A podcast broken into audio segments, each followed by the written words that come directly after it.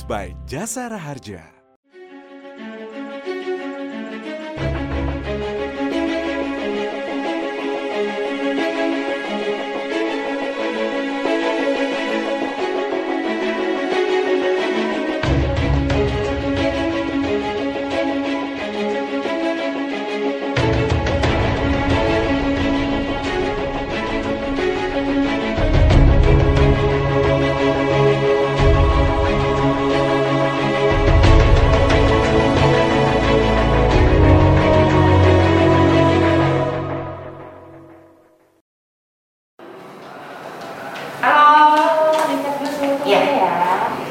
Hai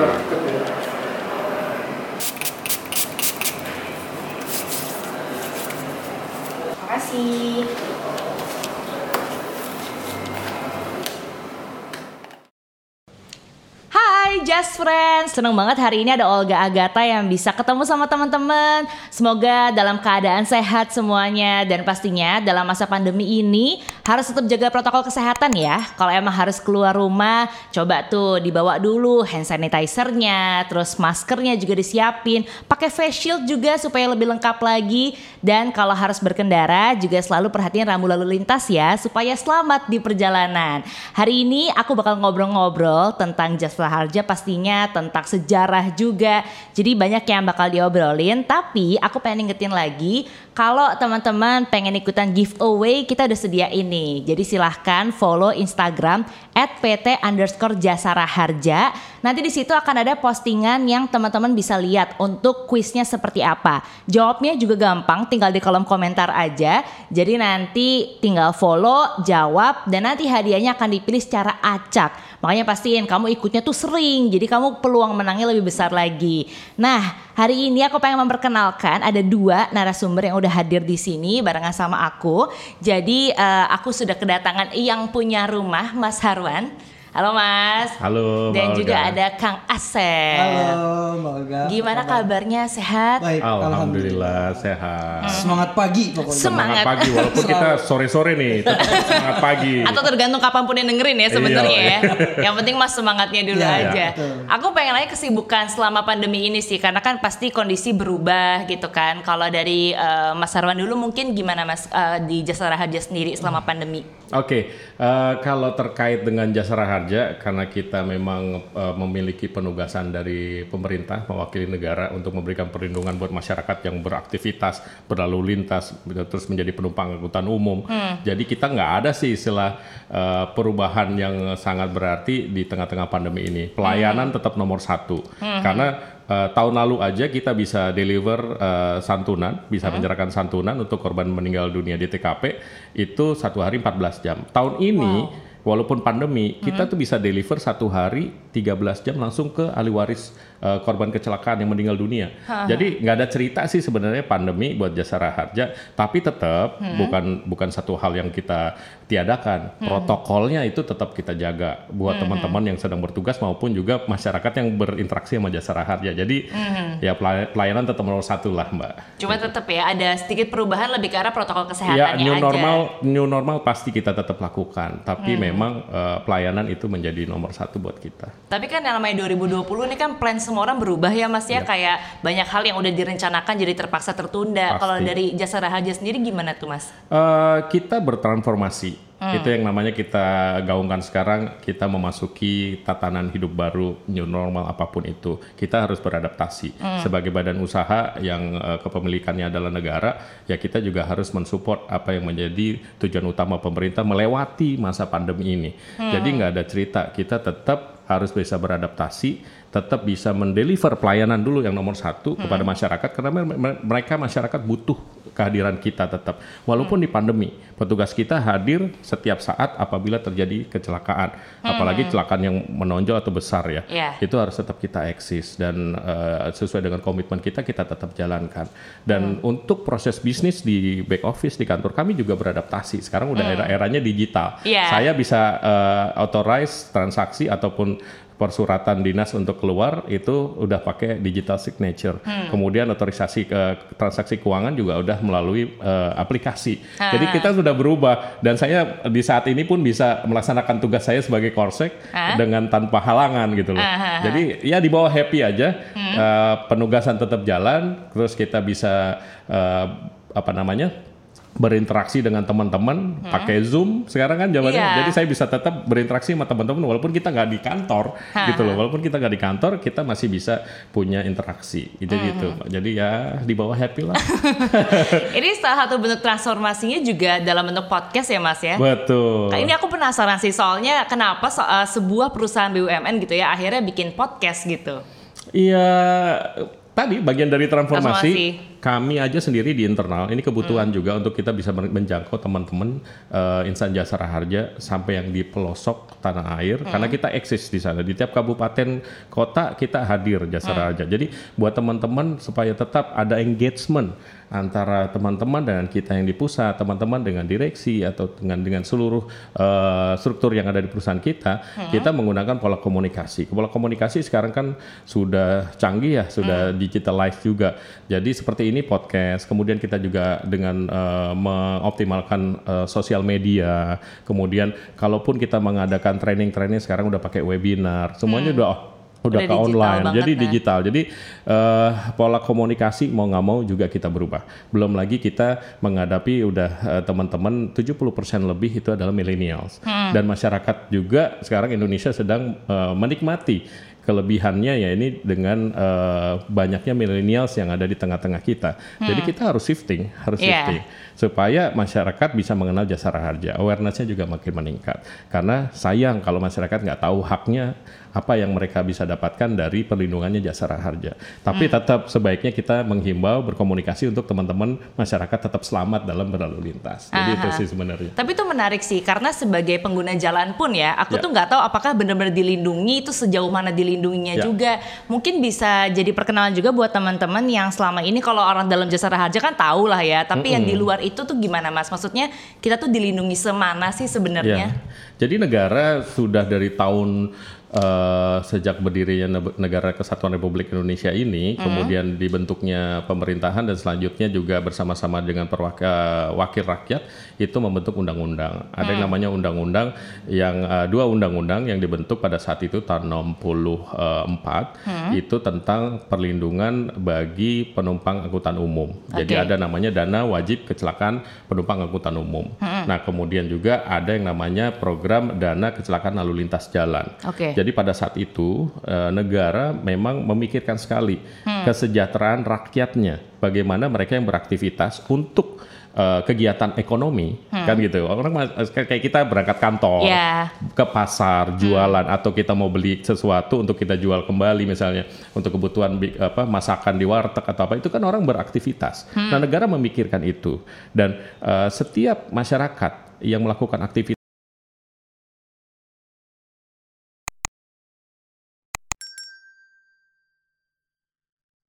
terjamin oleh jasa raharja. Dengan perlindungan eh, mohon maaf apabila mengalami kecelakaan itu ada santunannya. Santunan meninggal dunia luka-luka biaya perawatan kemudian juga ada untuk bantuan penguburan dan untuk cacat tetapnya juga ada.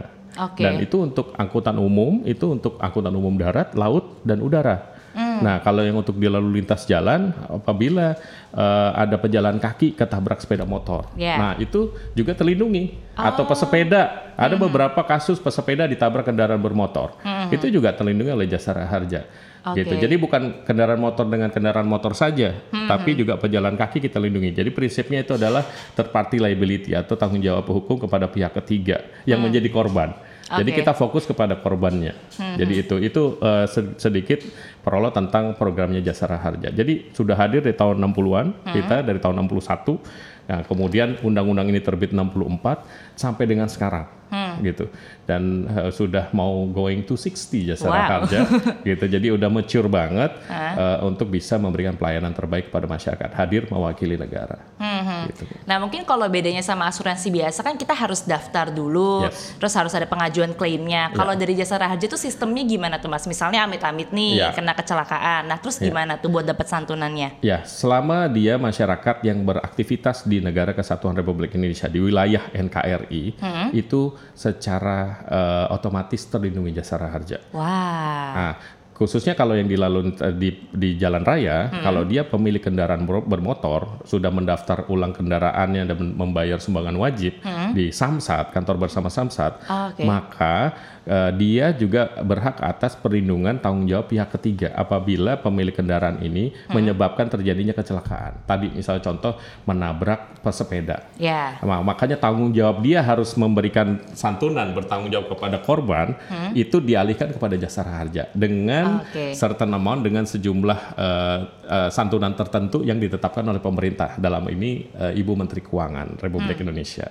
Jadi ada eh, untuk besaran santunannya sudah diatur semua oleh negara dan kita jasa raja tinggal menjalankan amanah untuk melaksanakan pelayanannya dengan baik. Wow, ini menarik sekali sih karena Ya. selama ini tuh kita ngerasa, waduh kalau di jalan kenapa-napa gimana nih kalau nggak punya asuransi? Ternyata bisa ya. Ya, dan Jasa Raharja udah bekerja sama dengan eh, hampir 1.700 eh, sorry 2.600 rumah sakit ya, Oke. 2.600 rumah sakit kita sudah kerjasama seluruh Indonesia. Jadi ketika ada korban kecelakaan harus segera ditangani di rumah sakit, Eh, korban tinggal dibawa ke rumah sakit yang memang rujukan bisa menangani korban kecelakaan. Nah kemudian Jasa Raja sudah bekerja sama, nanti dengan pihak kepolisian juga kita udah kerjasama. Ketika Oke. kecelakaannya sudah terdata di kepolisian, maka kita akan mengeluarkan surat jaminan supaya korban kecelakaan ini bisa ditangani secara cepat dan tepat oleh rumah sakit. Karena sudah ada depositnya dari jasa raja atau garansi Oh, letter. iya, Jadi iya, kita mempermudah, mempermudah. Dan ini sudah kita laksanakan secara terintegrasi dan melalui sistem digital juga. Jadi polisian udah menerbitkan laporan kepolisian secara digital, kita dapat infonya, kemudian kita lakukan eh, penjaminan kepada rumah sakit juga kita bisa kirim melalui email atau petugas kami datang ke sana untuk mendeteksi. Nah, kemudian jaminan sudah berjalan dan korban kecelakaan ya insya Allah tertangani tepat waktu eh, dan juga tepat penanganannya. Jadi kita harapkan fatalitasnya tidak meningkat. Kalau telat, kalau telat Iya, ditangani, iya, kebayang. Iya, iya, ya kan maksudnya di golden period antara orang misalnya baru kecelakaan itu kan kalau salah penanganan bisa Iya, fatal. Nah, kita mengurangi itu. Kita membantu masyarakat gimana rata-rata yang kecelakaan itu adalah eh, usia produktif dan tulang punggung keluarga. Setuju. Jangan sampai ada terjadi pemiskinan. Jadi jauh sekali Panjang ya negara ini rentetannya. sudah memikirkan bagaimana menjaga kesejahteraan umum masyarakatnya. Jadi itu, Mbak. Hmm, jadi nggak ada ceritanya ini ya kan ada tuh orang suka cerita iya nih udah kecelakaan masuk rumah sakit nggak ditangan-tanganin harusnya nggak ada ya Nggak ada. kalau udah ke rumah sakit rujukan dari jasa raharja Betul, dan yang penting adalah informasi. Termasuk yang kita hari ini kan masyarakat jadi tahu Hmm. Iya, bahwa iya, mereka iya. terlindungi. Nah, kalau tahu mengetahui kecelakaan, maka segeralah menginformasikan kepada berbagai pihak, yang terutama adalah polisi, Hah? kemudian juga petugas kami. Ah, supaya bisa langsung di-cover Supaya gitu ya. nah, kami nanti akan koordinasi dengan pihak kepolisian supaya nanti bisa tertangani kecelakaannya segera. Ya tadi Hmm. perlindungannya ini berjalan dengan efektif gitu. Haha. Nah kalau di jalan-jalannya orang suka keliru nih, karena kadang-kadang logonya bersebelahan lah, Iya. atau kayak kok kayak mirip-mirip sama-sama jasa, ada jasa Iya. raharja sama jasa marga. Iya. Nah itu bedanya tuh gimana sebenarnya mas? Eh, kita banyak ya saudaranya, ada jasa marga, jasa tirta, jasa raharja sendiri gitu kan. Nah, eh, tapi kita dalam satu keluarga besar, keluarga besar BUMN, gitu. Eh, perbedaannya adalah memang pemerintah sudah membagi-bagi eh, untuk klaster industrinya, dan memang itu bagian dari amanah Undang-Undang Dasar Negara Republik Indonesia tahun 1945, di mana pasal 33 hajat hidup orang banyak sumber alam apa segalanya harus dikuasai oleh negara, diolah oleh negara sebaik-baiknya. Salah satunya adalah program perlindungan masyarakat. Dan ini ditunjuklah eh, dalam hal ini Jasa Raharja untuk melaksanakan amanah ini. Jadi benar-benar kita pegang penuh amanahnya dan yang membedakan sebenarnya hampir nggak ada, cuman kita menjalankan misi masing-masing, tapi tujuannya adalah satu adalah kesejahteraan buat negara, gitu buat masyarakat. Gitu. Hmm. Nih aku kasihkan ngomong sama Mas Harwan nih Iya. ya. Untung tamu kita belum pulang loh Mas hari ini. Ngeri-ngeri Kang Asep udah sampai Bandung. Kang Asep, akhirnya kita bisa ngobrol-ngobrol hari ini. Iya. Jadi aku tuh sering nonton Kang Asep ya muncul di TV-TV sebagai sejarawan gitu. Tapi ternyata masih muda sekali. Mas. Iya dong. Kenapa? Kenapa bisa jadi sejarawan gitu? Biasa kan image-nya kalau sejarawan tuh udah agak-agak sepuh gitu ya. Uh, Iya, iya. Eh, dulunya saya nggak suka sejarah, jadi Hmm. saya anak IPA, eh, kemudian eh, siswa teladan. Hmm. Jadi pada saat masuk sejarah sebenarnya simple waktu itu karena saya mau kuliah di jurusan bahasa Inggris, saya lihat ada tawaran PMDK. Kalau sekarang mungkin undangan istilahnya. Hmm. Iya. Kalau dulu PMDK. Nah, tawaran PMDK ini eh, datang ke sekolah dan ditawarkan oleh pembina OSIS. Jadi waktu itu ditanya siapa yang mau jurusan ekonomi, jurusan pokoknya jurusan-jurusan yang favorit lah. Nah, Nah, itu tuh banyak sekali peminatnya. Walaupun saya di sekolah paling pinter gitu ya dengan nilai rapot yang selalu baik ranking satu gitu, tapi saya bukan minder ya. Saya ngerasa bahwa saya sekolah dari kabupaten. Kemudian eh, waktu itu pasti di seluruh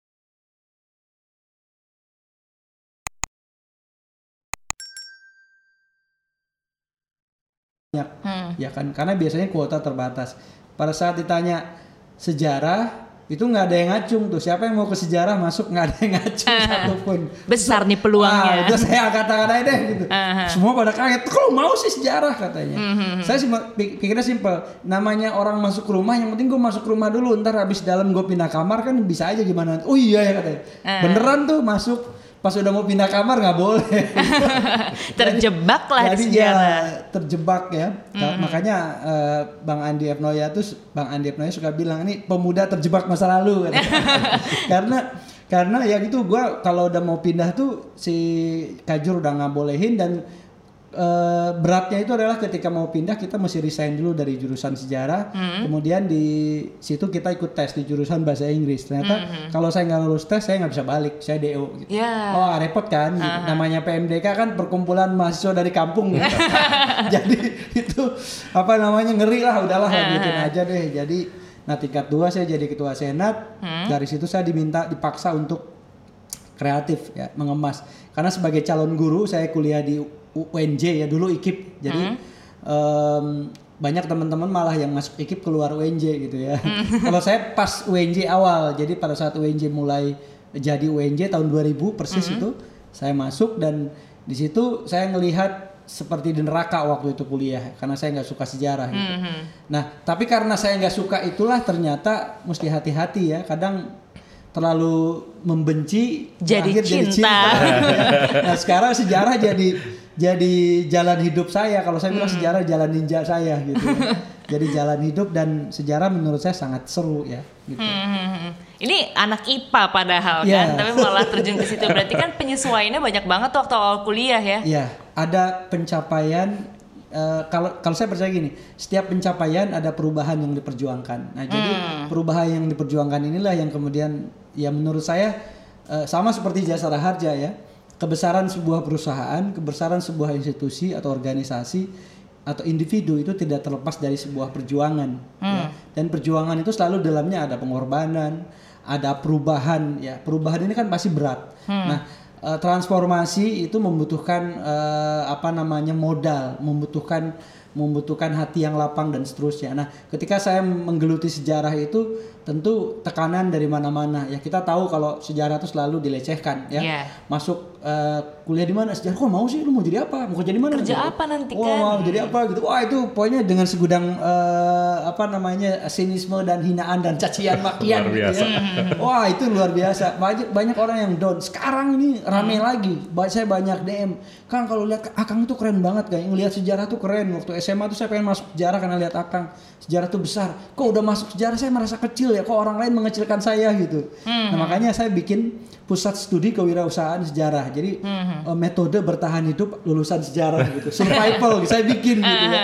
Kenapa? Karena saya sudah menemukan gitu. Sekarang saya sudah mulai entrepreneurs dari tahun 2010. Jadi 2010 saya sudah tidak kerja ke perusahaan. Saya kerja sendiri, saya entrepreneurs. Saya menjadi pengusaha sejarah 2013 saya bikin perusahaan di bidang sejarah dan setelah itu ya kerjaan saya jual beli sejarah saya bilang saya jual beli sejarah saya me- mengemas konten sejarah terima tuker tambah tapi nggak teri- terima servis atau reparasi.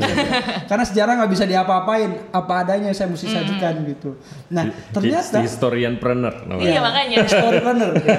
Storypreneur. Nah, memang eh, Ciputra waktu itu dalam Global Entrepreneur Week memberikan gelar saya Historypreneurnya Indonesia. Jadi belum ada waktu itu. Oke. Nah, jadi dari Historypreneur ini banyak sebenarnya peluang-peluangnya. Saya sudah sudah identifikasi ada puluhan area bisnis yang bisa dikembangkan dari sejarah. Salah satunya film sejarah. Ya, saya makanya beberapa kali juga sering menjadi konsultan untuk beberapa film.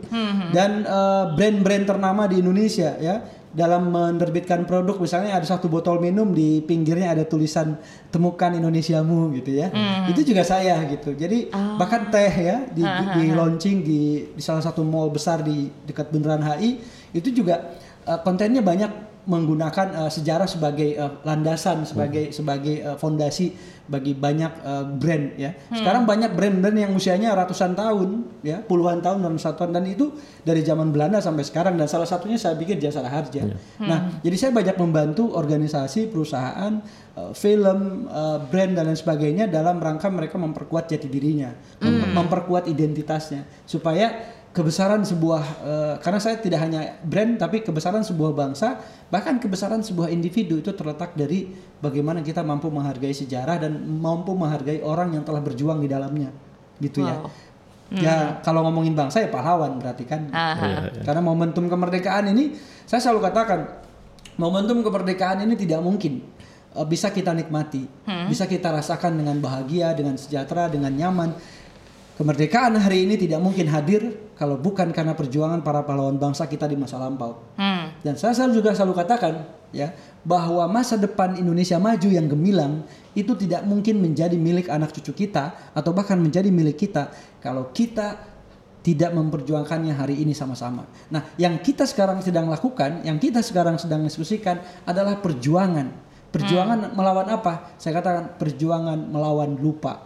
Ya, karena berjuang melawan lupa ini sama beratnya dengan kita memegang bambu runcing Hmm. ya Menarik, jadi, menarik. ya jadi kalau ada yang mengatakan pula misalnya mbak Olga ya kalau Ya. sejarah itu nggak ada manfaatnya sejarah itu nggak ada gunanya makanya nggak ada satupun orang tua yang rela anaknya kuliah di jurusan sejarah Iya Gitu iya ya. iya. iya.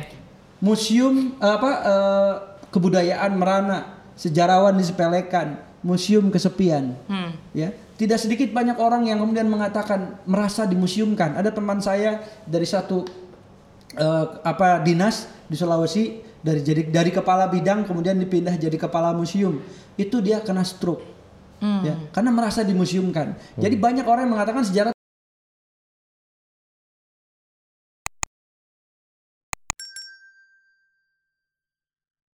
Ada yang mengatakan itu sampaikan atau mungkin eh, sekarang yang nonton ya eh, apa namanya eh, tadi apa namanya panggilannya just friend, Just ya? friend. kalau ada just friend yang mengatakan sejarah tidak berguna tidak ada manfaatnya just friend coba benturkan kepala bikin jadi amnesia Hmm.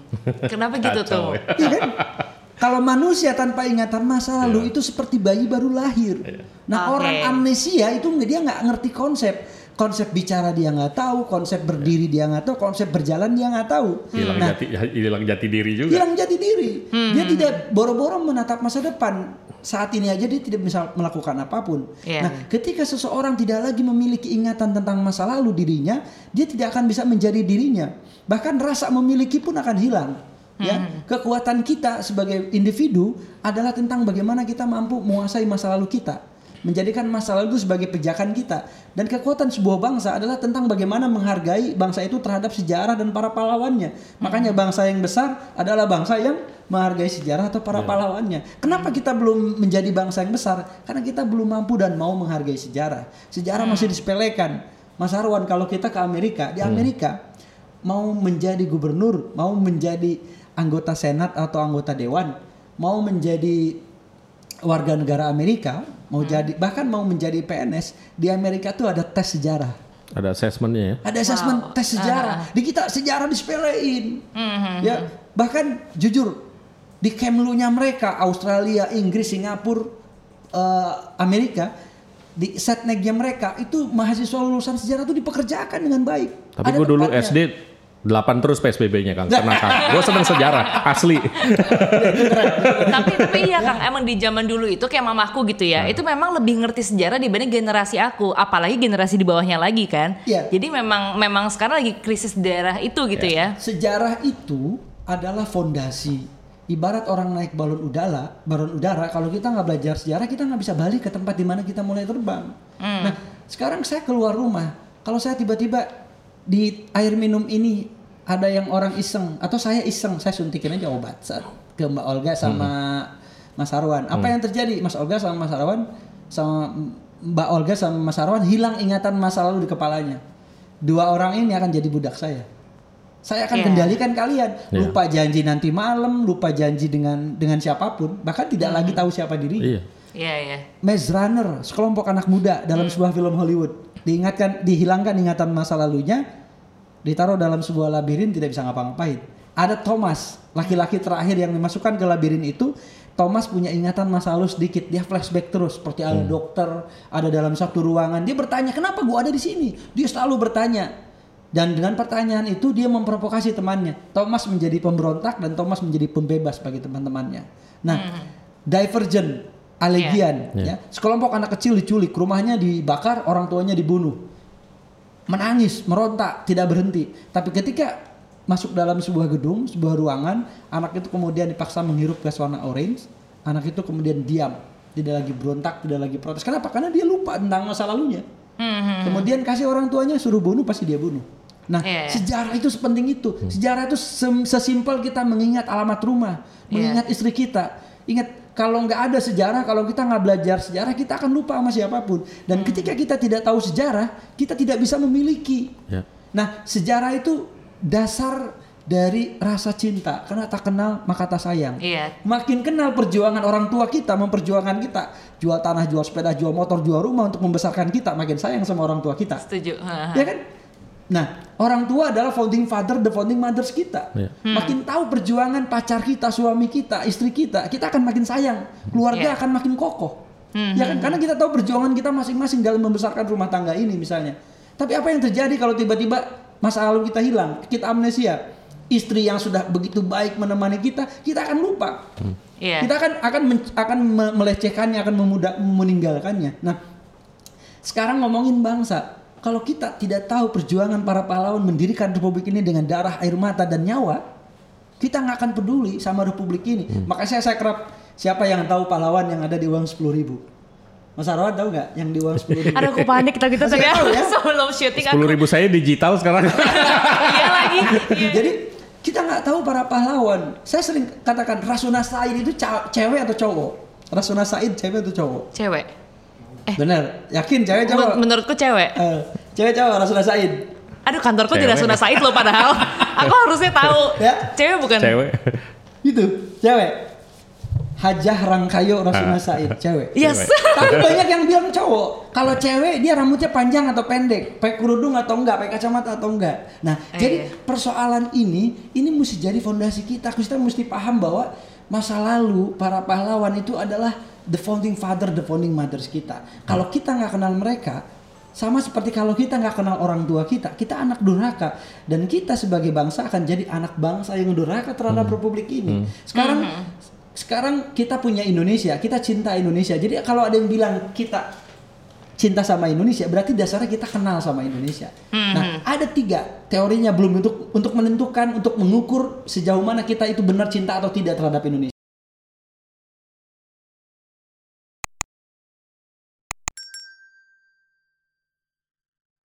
Pertama kali. Kapan nama Indonesia mulai digunakan? Berapa pulau, berapa budaya, berapa juta lautan, berapa ton ikan per hari dihasilkan dan seterusnya. Kognitif soal Indonesia ini menjadi dasar utama. Sekarang gini, Mbak Olga itu istri saya, misalnya ya. Tiba-tiba tanya sama orang, bener istrinya? Coba namanya siapa? Aduh lupa namanya. Jadi kalau saya Iya, lupa iya. sama istri saya aja, saya nggak bisa ngaku itu istri saya. Iya. Iya. Ya. Jadi ketika ada orang yang terdampar di pulau mana dari Indonesia naik rakit itu, terus ditanya dia, kamu orang mana? Orang Indonesia. Tahu warna bendera Indonesia nggak? Nggak tahu. Kamu orang bukan orang Indonesia. Ini handphone handphonenya Mas Harwan tiba-tiba hilang. Diumumkan di mall. sama security. Saya mau akui, wah itu punya saya tuh.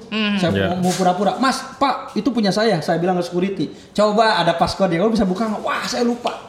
Berarti itu bukan punya Anda. Jadi ketidaktahuan akan menyebabkan kita tidak mungkin memiliki sesuatu. Nah, Republik ini kalau betul-betul kita tahu, jadi ketika Mas bilang dasar harja itu adalah organisasi hebat punya saya dan seterusnya milik masyarakatnya. Kalau masyarakat tidak mengetahuinya, Iya. mereka nggak akan merasa memiliki. Hari ini pun juga saya baru belajar ternyata oh kita punya perlindungan loh Iya. sebenarnya. Jadi emang Iya. penting banget buat tahu akar kita The power of knowledge. supaya kita bisa lebih mengakui memiliki gitu ya Mas ya. Iya. Nah ini juga menarik sih Kang karena kan Kang Asep ini punya perkumpulan Asep sedunia gitu kan.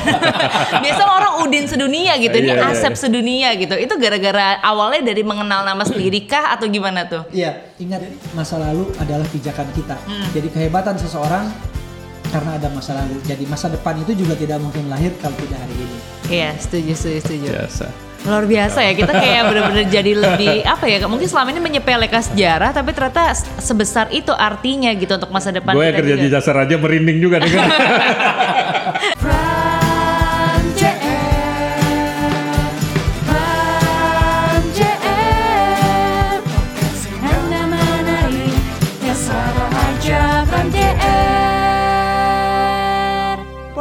by Jasara Harja.